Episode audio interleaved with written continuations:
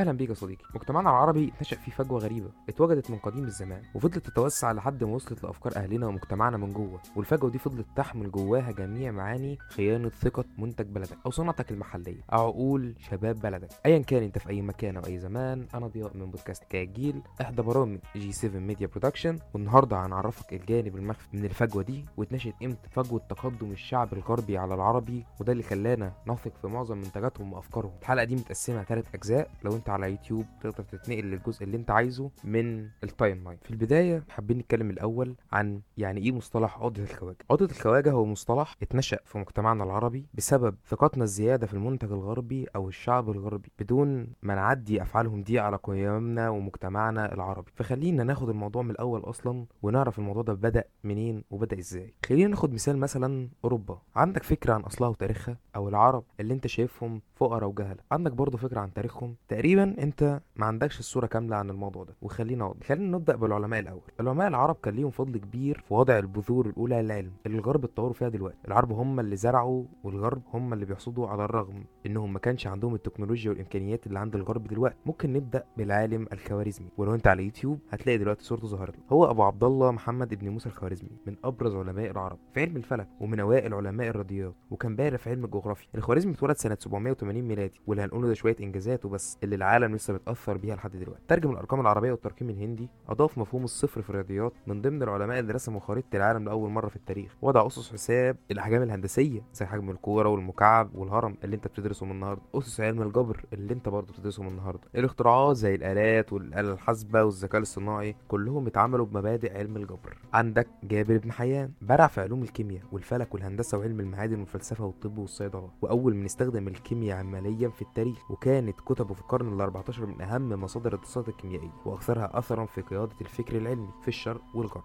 اخترع بعض الحوامض زي مثلا حمض الكبريتيك وسماه زيت الذاج. اخترع الكرويات أو القواعد ومية الذهب ومية الفضة وملح النشادر. اتنسب ليه حوالي 3000 مخطوطه من علم الكونيات والموسيقى والطب والسحر والأحياء والكيمياء والهندسة وعلوم تانية كتير. طبعا مش هننسى ابن سينا اللي يعتبر من أكثر العلماء المؤثرين في مجال الطب في العالم الإسلامي واوروبا من إنجازاته كتب القانون في الطب من أشهر الموسوعات الطبية وأول ما اكتشف وأول من اكتشف يعني إيه عدو فهم طب الأمراض المعدية وإزاي بتتنقل. أول عالم يوضح الفرق بين الشلل النصفي اللي بينتج عن سبب داخلي وعن سبب خارجي. وضح شرح السكتة الدماغية واستخدم الكي والنار لإيقاف النزيف. اخترع حوالي 760 دواء لعلاج الأمراض واخترع جهاز بيقيس طول بالدقة. وغيرهم كتير كتير جدا من العلماء اللي إحنا لو قعدنا نقول فيهم لحد آخر الحلقة مش هنخلصهم ومش هنخلص انجازات خلينا نكتفي بالقدر ده من العلماء مع إن في غيرهم كتير جدا. بس خلينا نخش على جزء عن اختراعات العرب والمسلمين عموما. ممكن تصدم دلوقتي من إن معظم الأدوات اللي بتستخدمها في حياتك اليومية من أبسط أداة فيها لاعقد أداة فيها من ابتكار العرب والمسلمين خد عندك مثلا فرشة الأسنان.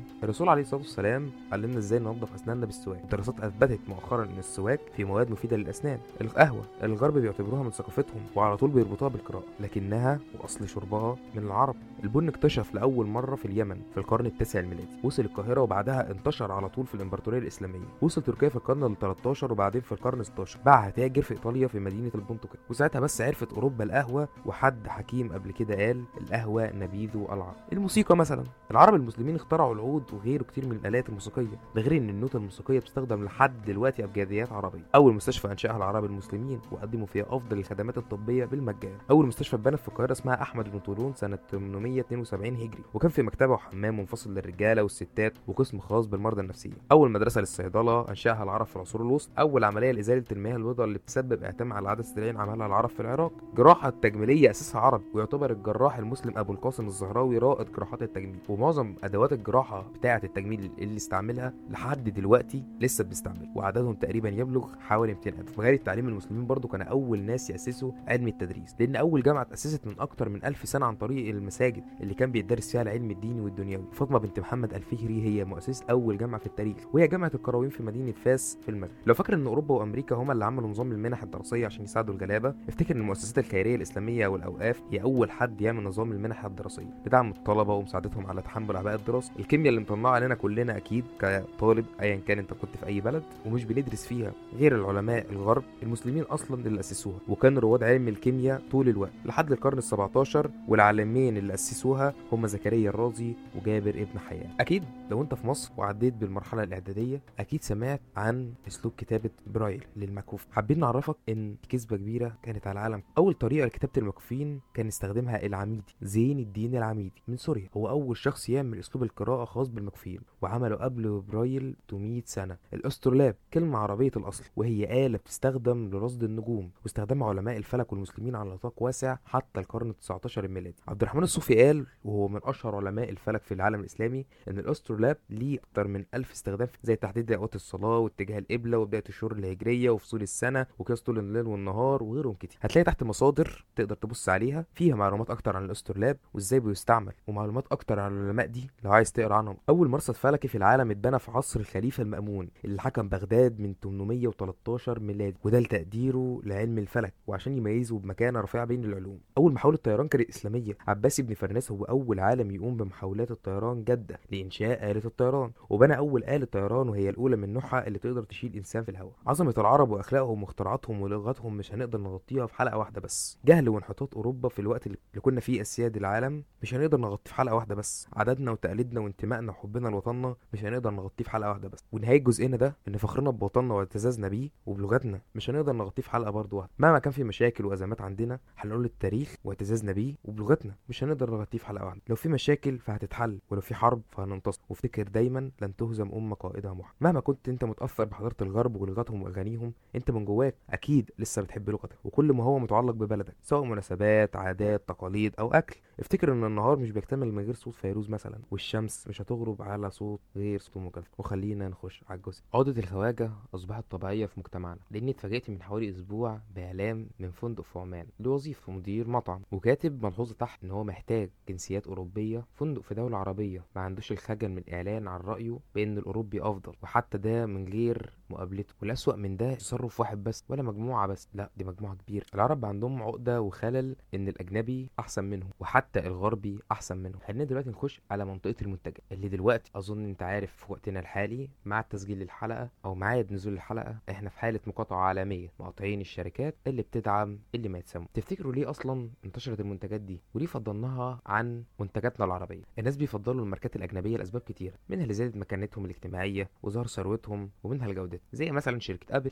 أو لما تروح مثلا تاخد قهوتك ستاربكس عم بنحب الماركات عشان هي بس الجودة بتاعتها أحسن ولا عشان هي brand ولا اعتقادنا دايما إن الأغلى هو الأحسن؟ ولا إن حاجة الأجانب دايما أفضل؟ في البعض بيعتقدوا إن الجودة هي الأفضل وفي بعض بيلجأوا بس لاسم ال brand حابب أقول لك إن مش دايما جودة الحاجة بتكون هي الأحسن وهديك مثال على ده. في فروع مشهورة من فروع الأكل عندهم وعندنا بتأثر على نسبة السمنة في سنة 2023 بس دي إحصائية كانت بنسبة 41% و9 من عشرة يعني 100 مليون واحد من عشرة زادت عندهم نسبة السمنة بشكل كبير جدا وعندنا برضو زادت بنسبة 34% و5 من عشرة. الملخص أو اللي نفهمه من أرقام السمنة إنهم زينا بشر فيهم الجيد وفيهم السيء مش كل المنتجات وحشة ومش كلها برضو حلوة. خلينا نخش برضو على جزء تاني وهو هوس البراندات. ولأن أي حاجة ليها أضرار ونفع فالبراندات سلاح ذو حدين. طبعا ليها جانب جيد زي الجودة وقيمة المنتج وغيره وليها جانب سيء زي الشراء القهري وزي ما بنقول بالمصطلح المصري المنظر. خلينا نشرح يعني إيه شراء قهري. الشراء القهري هو إنك تفقد السيطرة في شراء منتج معين أو brand معين. في ناس بتزيد عليها الديون وبتضطر تتداين وتاخد قروض لمجرد بس إن هم حاطين نفسهم دايما في مقارنة مجتمعية مع الطبقات الأعلى. والطبقات الأقل وإن هم عايزين يشوفوا نفسهم على والولاء للبراندات وحاجات تانية. خلينا ننتقل لجزء تاني من الحلقة أو جزء تالت من الحلقة وهو معدل الجريمة. دايما بيقولوا إن الأجانب بلد الحرية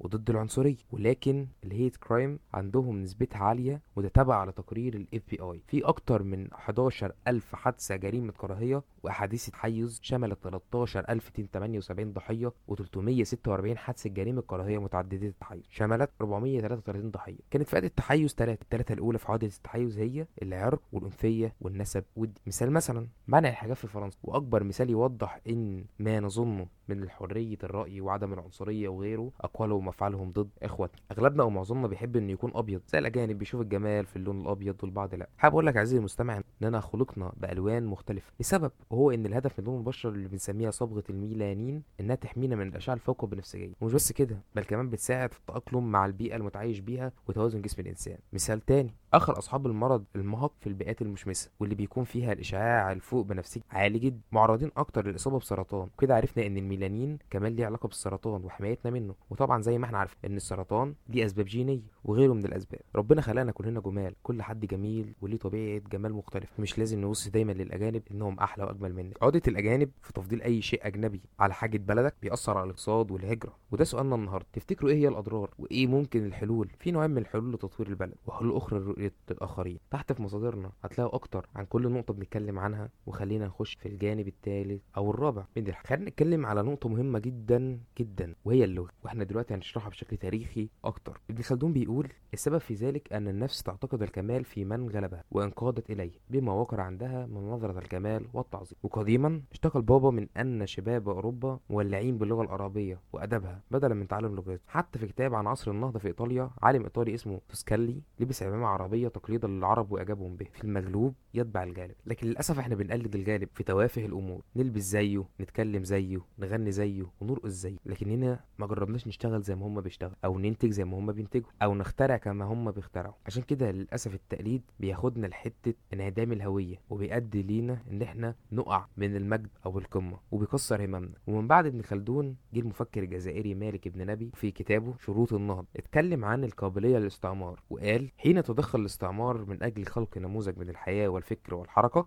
وبعد أن تتم السيطرة المعنوية والمادية يصبح الفرد قابلا بالحدود التي يرسمها له الاستعمار ويفكر داخلها ولا يخرج عليها ويرسم شخصيته طبقا لحدودها بل ويدافع عنها حتى لا تزول تلك الحدود التي يقنعها بها المستعمر. وده للأسف يا عزيزي اللي بنشوفه حاليا في مجتمعنا العربي. بتشوف شبابنا وبتشوف بناتنا بيقلدوا نفس الفكر في اللبس في الهدوم في البراندات في الطبقية. بنقلد ده عن عمى وعدم علم. وما عندناش العلم الكافي ولا دورنا كويس ورا هم بيعملوا إيه وبيعملوا كده ليه؟ وهل ده بس اللي هم بيصدروه لنا؟ يعني أنت لو سافرت بره هتلاقي إن العيشة مختلف فكرهم مختلف. عندك مثلا مثال تيك توك الصين. تيك توك الصين بيعرض للأطفال أو حتى شعبه بيعرض لهم محتوى تعليمي محتوى تحفيزي. لكن لو فتحت توك العربي أعتقد أنت هتشوف هتعرف يعني لو نزلته قبل كده مرة حتى هتعرف أنت هتشوف. فعشان كده في فرق شاسع ما بين اللي هم بيقدموه لنا واللي إحنا بنستقبل خلينا نكمل في اللغة. اللغة بتمثل الهوية. استبدال لغتك العربية اللغة الأجنبية زي ما الإنجليزي دي زي الإنجليزي دي حاجة كفيله انها تخليك تغير من منظومة قيمك كلها. أنت هتندمج في ثقافة تانية بكل ما فيها من قيم وفلسفات وحتى الدين بتاعك هيتأثر جدا. لأنك استبدلت لغتك العربية اللي هي تقريبا لغة كل الأديان هي مش تقريبا هي لغة كل الأديان لدرجة إنك ما بقتش تعرف تقرأ بيها. ولو حاسس إني مزود الموضوع شوية فأنا شفت حد فعلا رغم إني عادي ساكن في مصر وبتكلم مصري بس هو كان مندمج جدا في ثقافة الغرب وأغلب قراءاته وكلامه مع المقربين بالإنجليزي. لما جه يقرأ قرآن بصوت عالي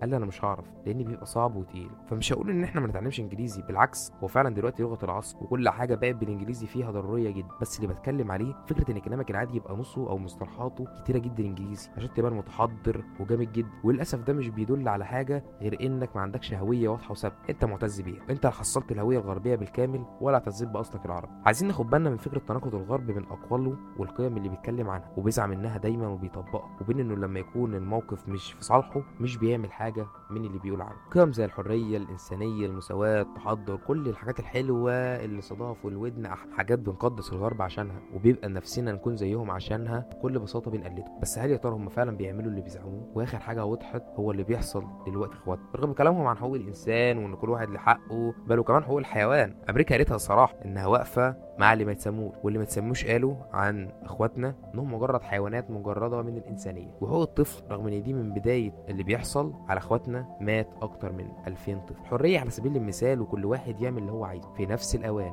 مجموعه من الطلاب قتلت طالب جزائري ورمته من دور السادس في جامعة ولاية مونتكلر الأمريكية بس عشان بيدعم اخواتنا. وغيرهم كتير فين القيم اللي بيقولوا إنهم بيعملوها وبكده دي نهاية حلقتنا النهارده. حلقتنا لو أنت وصلت معانا لحد الجزء ده قول لنا رأيك في الكومنتات في النهاية انت لازم ما تبطلش تحاول ابدا ولا توقف إنك تعدي محطات حياتك ولازم تقف تفكر انت بتعمل إيه والمين ومين ده بيدعم إيه؟ لأن كل إنسان فينا بيساهم بشكل مباشر أو غير مباشر في منتج بيدعم حاجات معينة وأظن فهمتونا وآخر جملة نختم بيها حاول ما تبطلش تحاول. الحلقة دي من إنتاج G 7 Media Production اشراف وتعديل ضياء محمد كتابة وبحث ندى جلال ومي عماد وروان أشرف وآلاء محمد كان معكم ضياء من بودكاست حكاية الجيل أشوفكم الحلقة الجاية مع السلامة.